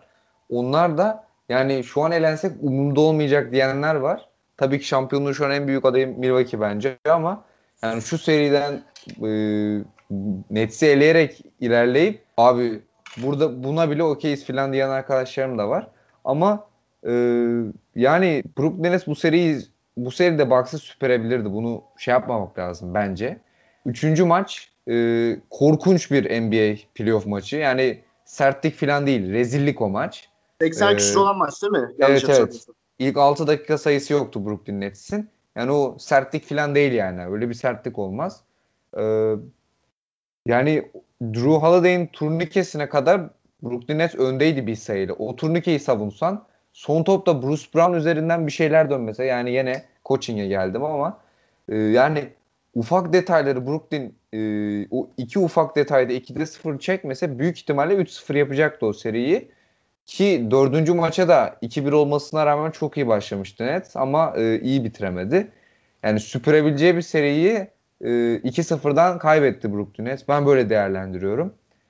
E, onun dışında Peki 6. ve 7. maçtaki Kevin Durant hakkında ne söylemek istersin abi? 6 değil de 5. maç e, o çıkmadan 49 sayıyla triple double yaptı. Ondan kastediyorsun galiba. Ee, evet bir de son maç. Evet evet. Yani, Çıkmadan oynadı. E, aslında 3. maçtan sonra 5.5-6 kişiye inen bir Brooklyn Nets rotasyonu gördük. E, ne akla hizmet ben anlamadım. Yani bu kadar e, kısma yani Claxton 10 saniye oynuyor. Yani seri başından beri bas bas yani bağırdık. E, Nets yerel, yerel basından kişiler de yani DeAndre Jordan tamamen unutuldu ama yani isterse playofflarda hiç oynamasın. E, Yannis'in karşısına 5 numara koyulduğunda Yannis'in efektifliğinin düştüğü bir gerçek ve ne Claxton ne DeAndre Jordan yani DeAndre Jordan hiç oynamadı. Bir 5 dakika garbage time'da oynadı. Claxton'da işte 10 saniye top çıkarmayı engellemek için falan soktu Steve Nash. Yani 5 kişi 6 kişi e, ne alaka yani ben anlam veremedim çok. Ama abi şöyle bir şey var lafını bölüyorum ama e, playofflarda geniş rotasyonla oynayan e, takımlarında ne olduğunu daha çok biliyoruz. Yani sen bir koç olsan geniş bir rotasyon mu tercih edersin yoksa 7 kişilik bir rotasyon mu tercih edersin? 10 kişi 10 kişi yapma zaten. 7 buçuk kişi yap atıyorum 8. kişi 6 Çünkü daha önce Dark Rivers bunu 2 senedir deniyor ve 2 senedir çok büyük çuvalladı bence. Abi Geniş yani 5.5'te yapma yani atıyor yani e, Landry Shamet 10 dakika oynayıp senin 6. adamın olmasın ben onu demeye çalışıyorum. E, 8 kişi yap 7 kişi yap e, işte 8. adamın 5-6 dakika Kevin Durant'i dinlendirmeye girsin mesela atıyorum. Yani abi şey evet. deneyebilir atıyorum. Lou Cavarot'u deneyebilir mesela. Oradan belki hiç sürpriz bir katkı alabilirsin. Ne bileyim Mike James'ten bir seri başına faydalanıyordu. Sonra onu bıraktı son iki maçta neredeyse. Mike James'e hiç dönmedi. Ya da belki DeAndre Jordan'ı bir tehdit olarak deneyebilirsin. Ya ben 7 e, maçın 7'sinde ezbere döndü. evet evet. 7 maçın 7'sinde de izlerken ya acaba DeAndre Jordan atacak mı her dediğimde e, atmadı. Yani hiç oynamadı DeAndre Jordan. Blake Griffin'in şey muazzam playoff e, seri performansı yanıltmasın bence. E, yani muazzam oynadı Blake Griffin gerçekten. sezon ortasında e, tamamen ismine yapılmış bir takviye diye e, lanse edildi bazı yerlerde ama kesinlikle muazzam bir performans e, kendisinden. E, muhtemelen de 2 yıllık e, bir kontrat alacaktır. Öyle de konuşuluyor. E, yerel e, muhabirler aracılığıyla ben de öğrendim biraz. E, yani onun o iyi oyunu yanıltmasın bence. Çünkü yani oraya saf bir 5 numara koysaydık DeAndre Jordan tamamen uyuyor o tabire. Bence e, Yannis'i kısıtlayabilirdik ki son maçta 40 attı Yannis. E, üçlük atmasına falan değinelim biraz da. Yani 5-6 üçlük Yannis kullanırsa e, rakip takımda değerlendirir bunu. Yani 5'te 6'da 1 atıyordu. Yani korkunç karar verme mekanizması gösterdi bazı maçlarda ama ne zaman boyalı alana girdi e, fizik olarak üstün olduğu Kevin Durant'i ve Blake Griffin'i ne zaman içeride yendi o zaman Bucks kazandı ve rahatladı yani takım arkadaşları da. Peki abi evet. Bucks'ın e, coaching hakkında özellikle Mike Hoca hakkında ne düşünüyorsun? Ben şahsen hiç beğenmiyorum da. Mike Budenholzer bence e, yani seneye işsizler ordusuna katılmaktan kendini katılıyorum. E, Aynen öyle. Sıyırdı diyeyim. E, geçen Hatta sene de nereye ulaşamasa bile o orduya bile katılabilir şahsımca. Ya Brooklyn Nets'i elediği denklemde bence konferans finali de yaptı. Bak e, yönetimde 3 yılda 2 konferans finali. E, çok da kötü değil aslında yani devam edebilir. Çünkü e, bu New Way'de o yön, yönlendiriyor, o kurduğu oyunu yönlendiriyor. Ama şu an şampiyonluk e, yakın gibi. Budenholzer'ın da ana hedefi yani işimi kurtardım rahatıma bakayımdan ziyade şampiyonluk için daha da kastıracakları ve baskı çok daha büyüktür yani doğal olarak. Bunun analizinde yapmak bence boş. Yani ben biraz ona girdim ama e, yani tamamen işte Drew Holiday, Chris Middleton katkılarıyla maçlar aldığı da oldu. E, ama e, yani çok da iyi bir coaching sergilemedi. Ama yani yetecek kadar yaptı diye düşünüyorum ben. Doğru kelimeleri de tam olarak seçmek yetecek kadardır bence. Ee, o da işte atıyorum o bile yani arada işte Maccabi'den tanıdığımız Elijah Bryant'ı falan attı yani savunma yapsın. Abi o saçma sapan diye. bir karar ya. Yani Elijah Bryant'ın oynaması işte, ciddi manada saçma sapan bir karar. Ya işte Bryn Forbes tutmadı. Ee, işte Drew Holiday bir şey üretemedi. Elijah Bryant'ı attı 3-4 dakika. İşte o ara Yannis dinlendi falan. En azından bu ufak ufak katkılar e, yani en az yani Tanasi 7. maçta ne yaptığını hepimiz biliyoruz yani. Tanasi Antetokounmpo 5 dakika falan oynadı. Ki bu kadar oynaması beklenmiyor. Hepsinde Yannis'i işte e, televizyon molasından önce Tanasis girdi. Televizyon molasında dan sonra çıktı. E, ve işte Yannis'e 6-7 dakikalık bir dinlenme sağladı yani. iki kere yaptı bunu. Yannis'e maç sonunda diri kaldı. Kevin Durant öldü yani son topu kullanırken airball attı hatırlarsın. Yani bunları bile yapmadı Steve Nash. Budenholzer en azından öyle bir yöntem geliştirdi ki ben e, bir buçuk dakikalık bir oyun süresi yarattı. Yani ise dinlenmelik. Onun roman ee, gerçekten onunla da e, ufak detayları kazandı bence. Romantik davrandığını düşünüyorum orada. Yani iki maç üst üste Kevin Durant çıkmadan oynamaması, oynaması ya ge- ge- evet çok önemli. Yani evet 45 dakika üst oynamam ama ya, gerek var mı gerçekten çıkmadan oynamasına? Yani ee, beş, e, beşinci maçta vardı bence ama e, şey yani çok yani adamdan çıkmamasını yani yani beklediğimiz durum biraz işler acınası. Hepimiz ama yani abi çekir gibi sıçrar iki sıçrar üçüncü de. Evet evet kesinlikle zaten o son yani kimse laf edemez Kevin Durant o şey at, at, sokamadığı için potaya değdiremedi. Ee, işte kötü ko yani iyi olmayan coaching, kötü de demeyeceğim tam olarak. İyi olmayan coaching e, sakatlıklar. Bu sezon zaten sakatlıklardan en çok çeken takımlardan biri de Brooklyn Nets. Ee, birleşince böyle bir sonuç denk geldi. Ee, Joe Harris ya, yan parça dedik. Bryn Forbes'un Miami serisinde bir maçını hatırlıyorum. Siz de hatırlıyorsunuzdur.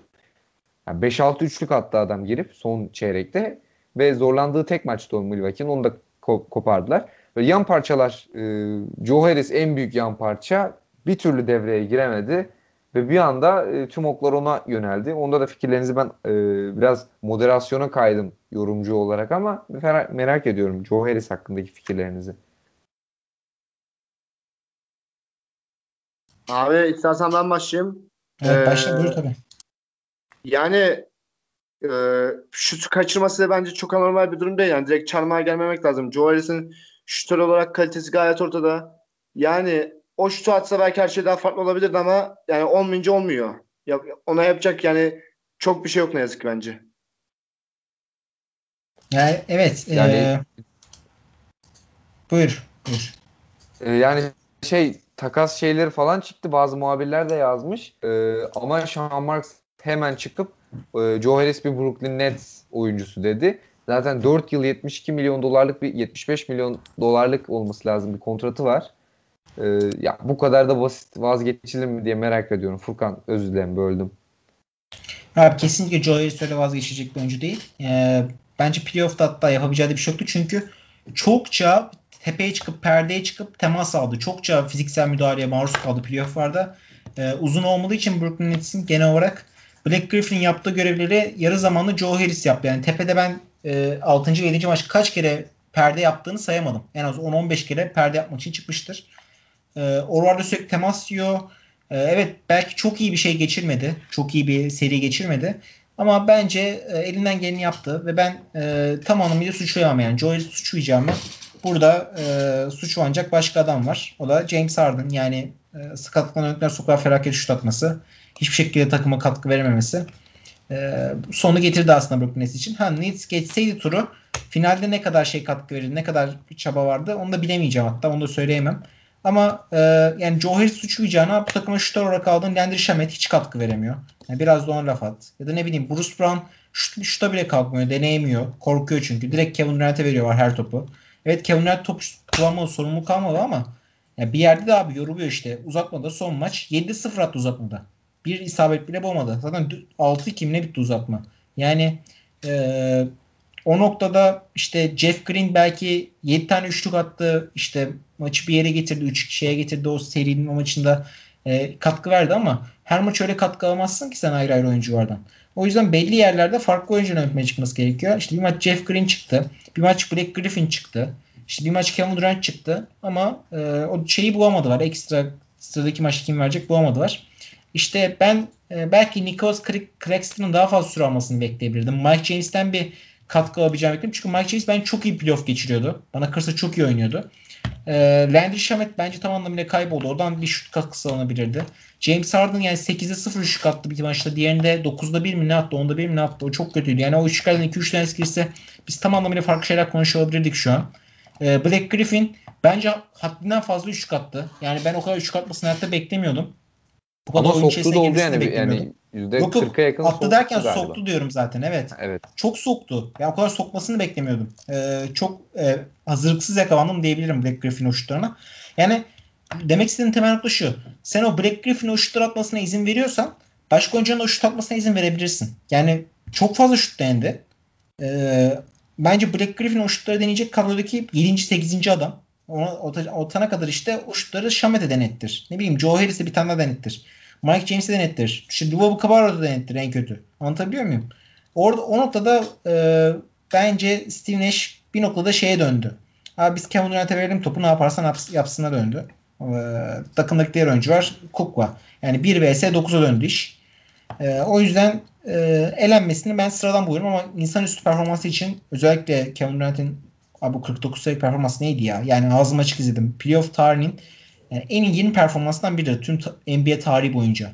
Belki ikona bile yazılabilir hatta. Ama e, tam eskileyebilmen için bir şey, şey diyemeyeceğim ama ben çok net ilk 15-20'de olduğunu söyleyebilirim. E, biraz box konuşursak da abi Antetokounmpo hala karşısında adam varken potayı nasıl gideceğini bilmiyor yani. İçeriği kilitlediklerinde kapattıklarında halen saçmalıyor yani. Halen şut atıyor. Üçlük müşlük. 4 tane 5 tane maç başına üçlük atıyor. Yani skandal karar var. Feci yanlış karar var. Keza e, Chris Middleton'ın çok formsuz olduğu dönemler oldu bazı maçlarda. Serinin bazı maçlarında çok şut attı. Drew Holiday'in çok sindiği şeyler oldu. Bazı maçlarda Pat Connaughton çok ön plana çıktı sebepsiz yere. Bazı maçlarda Brian Forbes çok ön plana çıktı sebepsiz yere. Aslında bu küçük detaylarda aslında Bucks'ı e, seride galibiyete ulaştıran taraf oldu bence. Yani Brian Forbes'un çıkması, Pat Connaughton'un çıkması, ne bileyim Drew Holiday'in çok kötü geçirdiği maçta bir periyot çıkıp çok iyi performans sergilemesi falan. E, bunlar etkiledi. Yoksa Antikop'un durdurmanın formülü belli ve Bucks e, net bunu belli bir şekilde yapmaya çalıştı ve başarılı olduğunu söyleyebiliriz belli bir açıdan. E, içeriği kalabalık tutmak. E, İlla ki bir yerde saçmalıyor. Şut atıyor, şut atıyor, kick atıyor. Ve bence gereğinden de iyi soktu Antetokounmpo şutlarını. E, tüm bunlar da birleşince PJ Tucker'ın ne kadar savunması olursa olsun Durant durduramadı. E, yine de e, Bucks kazanmayı başardı ama e, düşünsene PJ Tucker'sın görevin Durant savunmak ama Durant 49 sayılık bir triple double yapıyor üstünden. Neredeyse her şeyi sokuyor.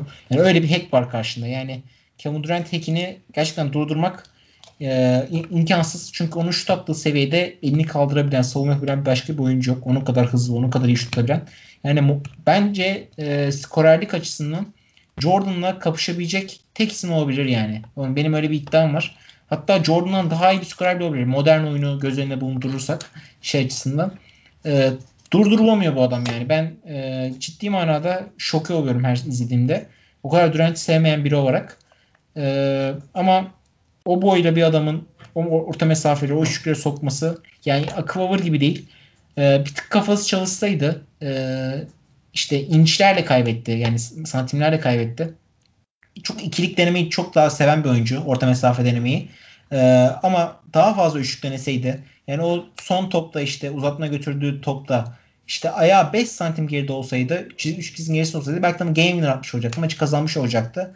Ee, bu da aslında Durant'in kariyerinin çok güzel bir özeti oldu. Çünkü Durant üçlük, çok az üçlük kullanan ve daha çok öyle ikilik denen orta mesafede bitiren bir oyuncu tarzında oynadı kariyeri boyunca. Ee, daha fazla üçlük denemiş olsaydı belki daha fazla skor isim olacaktı. Daha fazla maçı kadar etki edecekti tüm kariyeri boyunca ve bu 7. maçta yansımasını buldu diyebilirim. Çok güzel bir e, özeti oldu. O bakımdan e, dramalarla dolu e, çok güzel bir seriydi. Hatta belki de NBA'nin en heyecanlı serisiydi. Bir bakıma hatta e, bana kalırsa şimdi final maçları var. Sonra büyük final var. Ona düşünde belki de NBA'in playoff'ların en heyecanlı serisi olabilir bu seri. Se- şey bittikten sonra, zaman bittikten sonra da bunu söyleyebiliriz. E, yine de e, muhtemelen Bucks NBA şampiyonluğuna doğru gidiyor diye düşünüyorum. Evet, tam bu sene de olmazsa e, yani nüve korunur. Mike Budenholzer da Mike Budenholzer da belki e, hadi bir sene daha denir ama e, yok denmez abi. Taraf... Yani denmez. Mümkün değil. Adam kovulacağı sene hatta... işte sakatlık var, şeyler, etkiler, metkiler, faktörler hepsi bir araya geldi kovulacağı sene şampiyon olacak ve takımın başında kalacak, uzatılacak gibi duruyor. Yani bu da ciddi manada o kadar talihsiz senenin sonrasında ya da yeteneksiz adamın başına gelecek şey sonrasında çok talihli ve şanslı bir durum olacak. Yani hiçbir şey yokken şampiyon varsa e, o kadar berbat bir coaching kariyeri bence hepsi unutulacaktır. E, bundan 10-15 yıl sonra. Peki e, Mike Gires'a e, ve elinize Carlisle'ı getirme şansınız olsa siz getirir miydiniz? İkiniz için de soruyorum bu soruyu. Yani tabii sorun, uçarım yani. Ben uçarım kesinlikle ama e, yani Rick Carlisle'ın biraz daha baksın mevcut kadrosuna e, uzak bir koç olduğunu düşünüyorum. Potansiyel adayların bazılarından ziyade e, daha uzak. Ama sonuçta yani bu adam NBA tarihinin en büyük koçlarından biri. Tek şampiyonluğu olsa dahi e, inanılmaz işler yaptı. E, yani Dallas'ın topusunun yarısı filan da Rick Carlisle'a verilir. E, Nowitzki ile beraber. E, çok iyi bir koç ve yani e, her malzemeden bir şey çıkartabilir. Dallas'la çalıştığı farklı takımların e, farklı yapıları vardı. Hepsinde Nowitzki anlam plandaydı ama farklı yan parçalar, farklı oyun planları geliştirmeye itecek durumlar vardı. E, Bucks'ta da kesinlikle e, yapacağını yapabilir takımı e, bir tık seviye e, üste çıkarıp şampiyon e, ve işte finalin devamlı üyesi yapabilecek seviyede bir koç.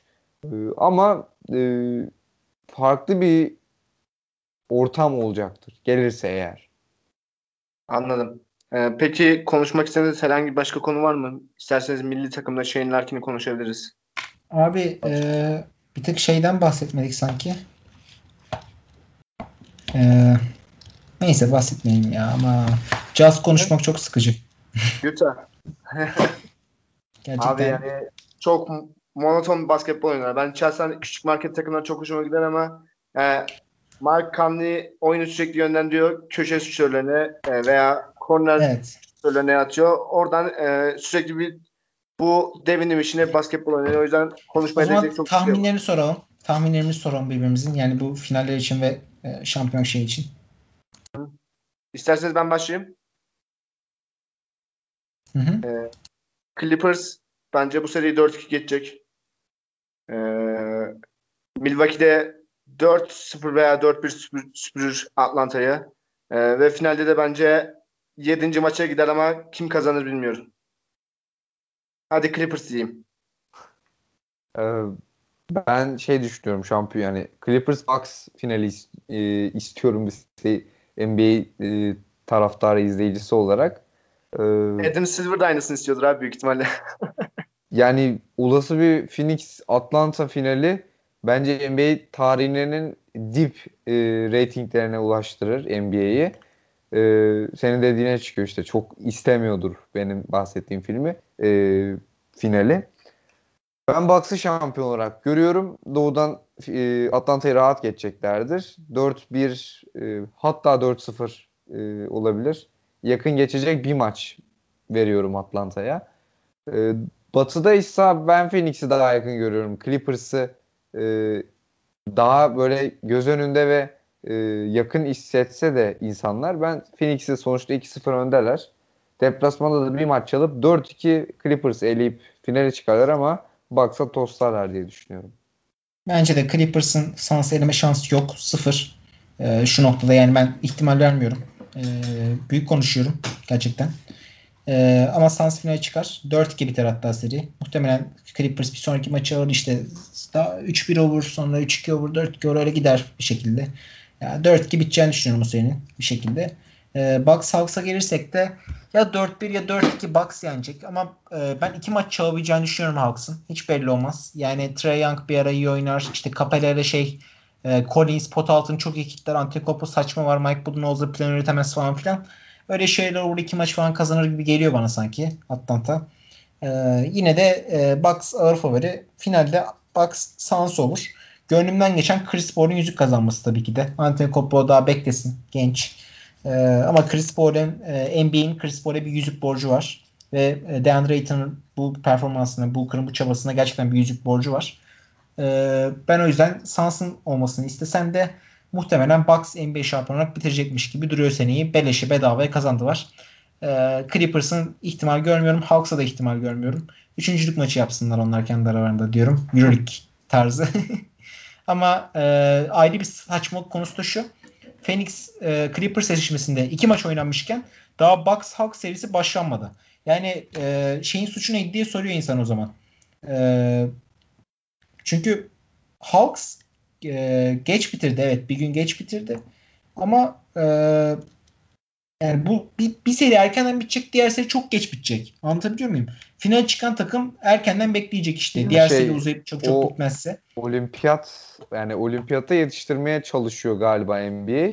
Evet. Ee, zaten şey oyuncular da e, oynama yani Grant Williams en son Evet abi olim- o da bu şu an açıklandı bu arada canlı yayını biz yaparken 12 kişilik Amerikan rotasyonu hemen okuyayım sizlere. Kevin Durant, Devin Booker, Jason Tatum, Damian Lillard, Bradley Beal, Zach Lavine, Bam Adebayo, Chris Middleton, Kevin Love, Draymond Green, Drew Holiday, Jeremy Grant şeklinde açıklandı. Normalde James Harden vardı ama James Harden sakatlık nedeniyle çekildi ve onun yerine Jeremy Grant davet edildi. Kadroda tek pivot var aslında baktığımızda. Bam Adebayo, iki tane dört numara var. Kevin Love, e, Draymond Green. 3 numara baktığımızda Kevin Durant, Jason Tatum, Zach Lavine e, belki oraya sayabiliriz. Onları görüyoruz. 2 numarada işte Devin Booker, e, Bradley Beal, Drew Holiday, e, birileri de sayayım hemen hızlıca işte. Bir iki hepsi karışık gerçi. Yani bir tane 5 numaralı bir Amerika rotasyonu görüyoruz. Yıldızlar dolu. Tabi bunun içerisinde Devin Booker da var. Yani hala NBA'de devam eden de oyuncular da var. O bakımdan baktığımızda e, yetiştirmesi çalışması belki de tek mantıklı cevap. Yoksa final senin bu kadar dengesiz gitmesi, zamanların fark fark etmesi tam anlamıyla saçmalık yani. Peki ben e, hazır olimpiyatlar açılmışken şunu da sorayım. Amerika sizce 2019'daki o tarihi rezilliği ve özellikle pop Ama- pop tarihi rezilliği şöyle bir durum var. Yunus Emre hemen lafına giriyorum. Onlar Dünya Kupası'nı önemsemiyor. Çünkü Dünya Kupası'nı Tabii tabii Amerika'da onu kimse kalkıp yani izlemiyor. olimpiyatları Kimse. Amerika halkına hiçbir insan Dünya Kupası'nı, Avrupa Şampiyonası'nı, Amerika Kupası'nı izlemiyor. Hatta Amerika Kupası'na gidiyorlar şeyler falan çıkar. Beşiktaş'ın ne bileyim Beşiktaş diyorum. E, Türkiye Ligi'ndeki oyuncuların eski e, Amerika oyuncular falan çıkıyor. Çok kötü rotasyonlar falan çıkıyor. Ona rağmen evet. kazanıyorlar zaten de. Yani e, şu şekil olimpiyatlar Amerika'da aynı NBA gibi ne bileyim beyzbol gibi şey gibi kutsal e, kategoriye giriyor ve olimpiyatları Hatta herkes onların önünde bile olabilir yani çünkü e, yani Kevin Durant falan bile e, hayatımda en anlamlı şey e, Tok, e, Tok yok Londra 2012 demişti galiba. E, evet. Olimpiyatları çok şampiyonluklarından birinde. Evet. Ya sporun onlarda o şeyle işte olimpik sporcu, olimpik sporcu olarak büyüdükleri için o çok büyük bir şey olarak geliyor onlara. Hatta NBA'den üstün gören oyuncular bile olmuştu. Yani e, bu Carmelo Anthony'nin işte 3 madalyasını, 4 madalyasını onu e, bu kadar malzeme yapmaların nedeni de buydu zamanda hatırlarsın. E, o evet. madalyaları işte NBA şampiyonu değerli sayıyordu. Carmelo. Peki e, Popovic bu olimpiyatları kazanarak mı bitirir yoksa ki ben artık bitmesi gerektiğini düşünüyorum. San Antonio Spor taraftarı olarak cidden hocayı çok seviyorum ama son iki senedir gençlerin özgüvenini cidden rezil ediyor. Yani cidden ne kadar sevsem de bunları konuşmak zorundayım. Hatta sene başına e, Brooklyn'e gitme ihtimali vardı. Keşke gitseydi. Ama bence bu saatten sonra e, olimpiyatları kazanıp bırakması gerekiyor. Ne düşünüyorsun bu konuda bilmiyorum ama ne yazık ki ben bu fikirdeyim yani. Keşke daha güzel ayrılsaydı. Yani keşke zamanda Beckham'ını teslim etseydi. E, çünkü gençlere ciddi manada süre vermiyor. E, süre verdiği genci de bir tane şut çıkardı. Yani herhangi bir en ufak bir minor hatada direkt çıkarıyor. Yani Kim abi? Popovic. Luka Samancic bence e, yani beklenen şeyi yapamadı. Mesela ben ondan çok şey bekliyordum ama e, Yunus Emre'nin dediği işte sınırlı süre almaya geldi. Lucas Samancic'ten ben iyi beklentilerim vardı ama maalesef. Abi sadece o değil. De Dejante Murray hadi yine onu geçtim. E, Lonnie Walker en ufak hata yaptığı zaman bu sene normal sezonda çıkardı. E, bu sene drafttan gelen çocuk adını şu an unuttum. Hatırlatırsanız iyi olur. E, Vassal, Vassal pardon. O Vassal'e belli bir yerden sonra süre bile vermedi. Eee çoğunlukla Petimiz ve Rudiger üzerinden dönen bir takım gördüm ve benim hiç hoşuma gitmiyor. Çünkü burası huzur evi değil. Zamanda aynı şeyi Gasol'e de yaptı. Ee, sanki babasının çiftliğiymiş gibi kontratları bedavadan bedavadan verdi sırf fatır gönlüşüne. Şu an Rudiger'e, Petimis'e, Demar DeRozan'a belki tekrardan kontrat verecekler. Yani inşallah öyle bir şey olmaz. Ama bence bu saatten sonra yani hocanın ciddi manada bırakması gerektiğini düşünüyorum. Çünkü o yani o esprileri de artık baydı gibi yani o soğuk esprileri de baydı gibi. Ya Ben Simmons gelse hadi yine belki neyse ama e, ben bu saatten sonra yönetimin Beckham'ına teslim edilmesi gerektiğini düşünüyorum. Siz ne düşünüyorsunuz bu konuda? Büyük ihtimalle öyle olacak zaten. Ee, öyle benim de düşüncem. Yani Popovic oranın efsanesidir. E, can istediği zaman bırakır diyorum ben ama e, yani çok da cevabını yapısım şey yok. Çünkü zaten Spurs'un bir iddiası yok. İddiası olmadığı sürece belki de bir şey fark etmez diyorum ben de. Anladım. Ee, eklemek istediğiniz herhangi bir konu veya alt başlık var mı? Yok abi ağzına sağlık. Tamamdır. Yeter, ee, çok yeterince konuştuk, yorulduk. Aynen. İzlediğiniz için çok teşekkürler. Ee, görüşmek üzere diyelim. Hoşçakalın. Hoşçakalın.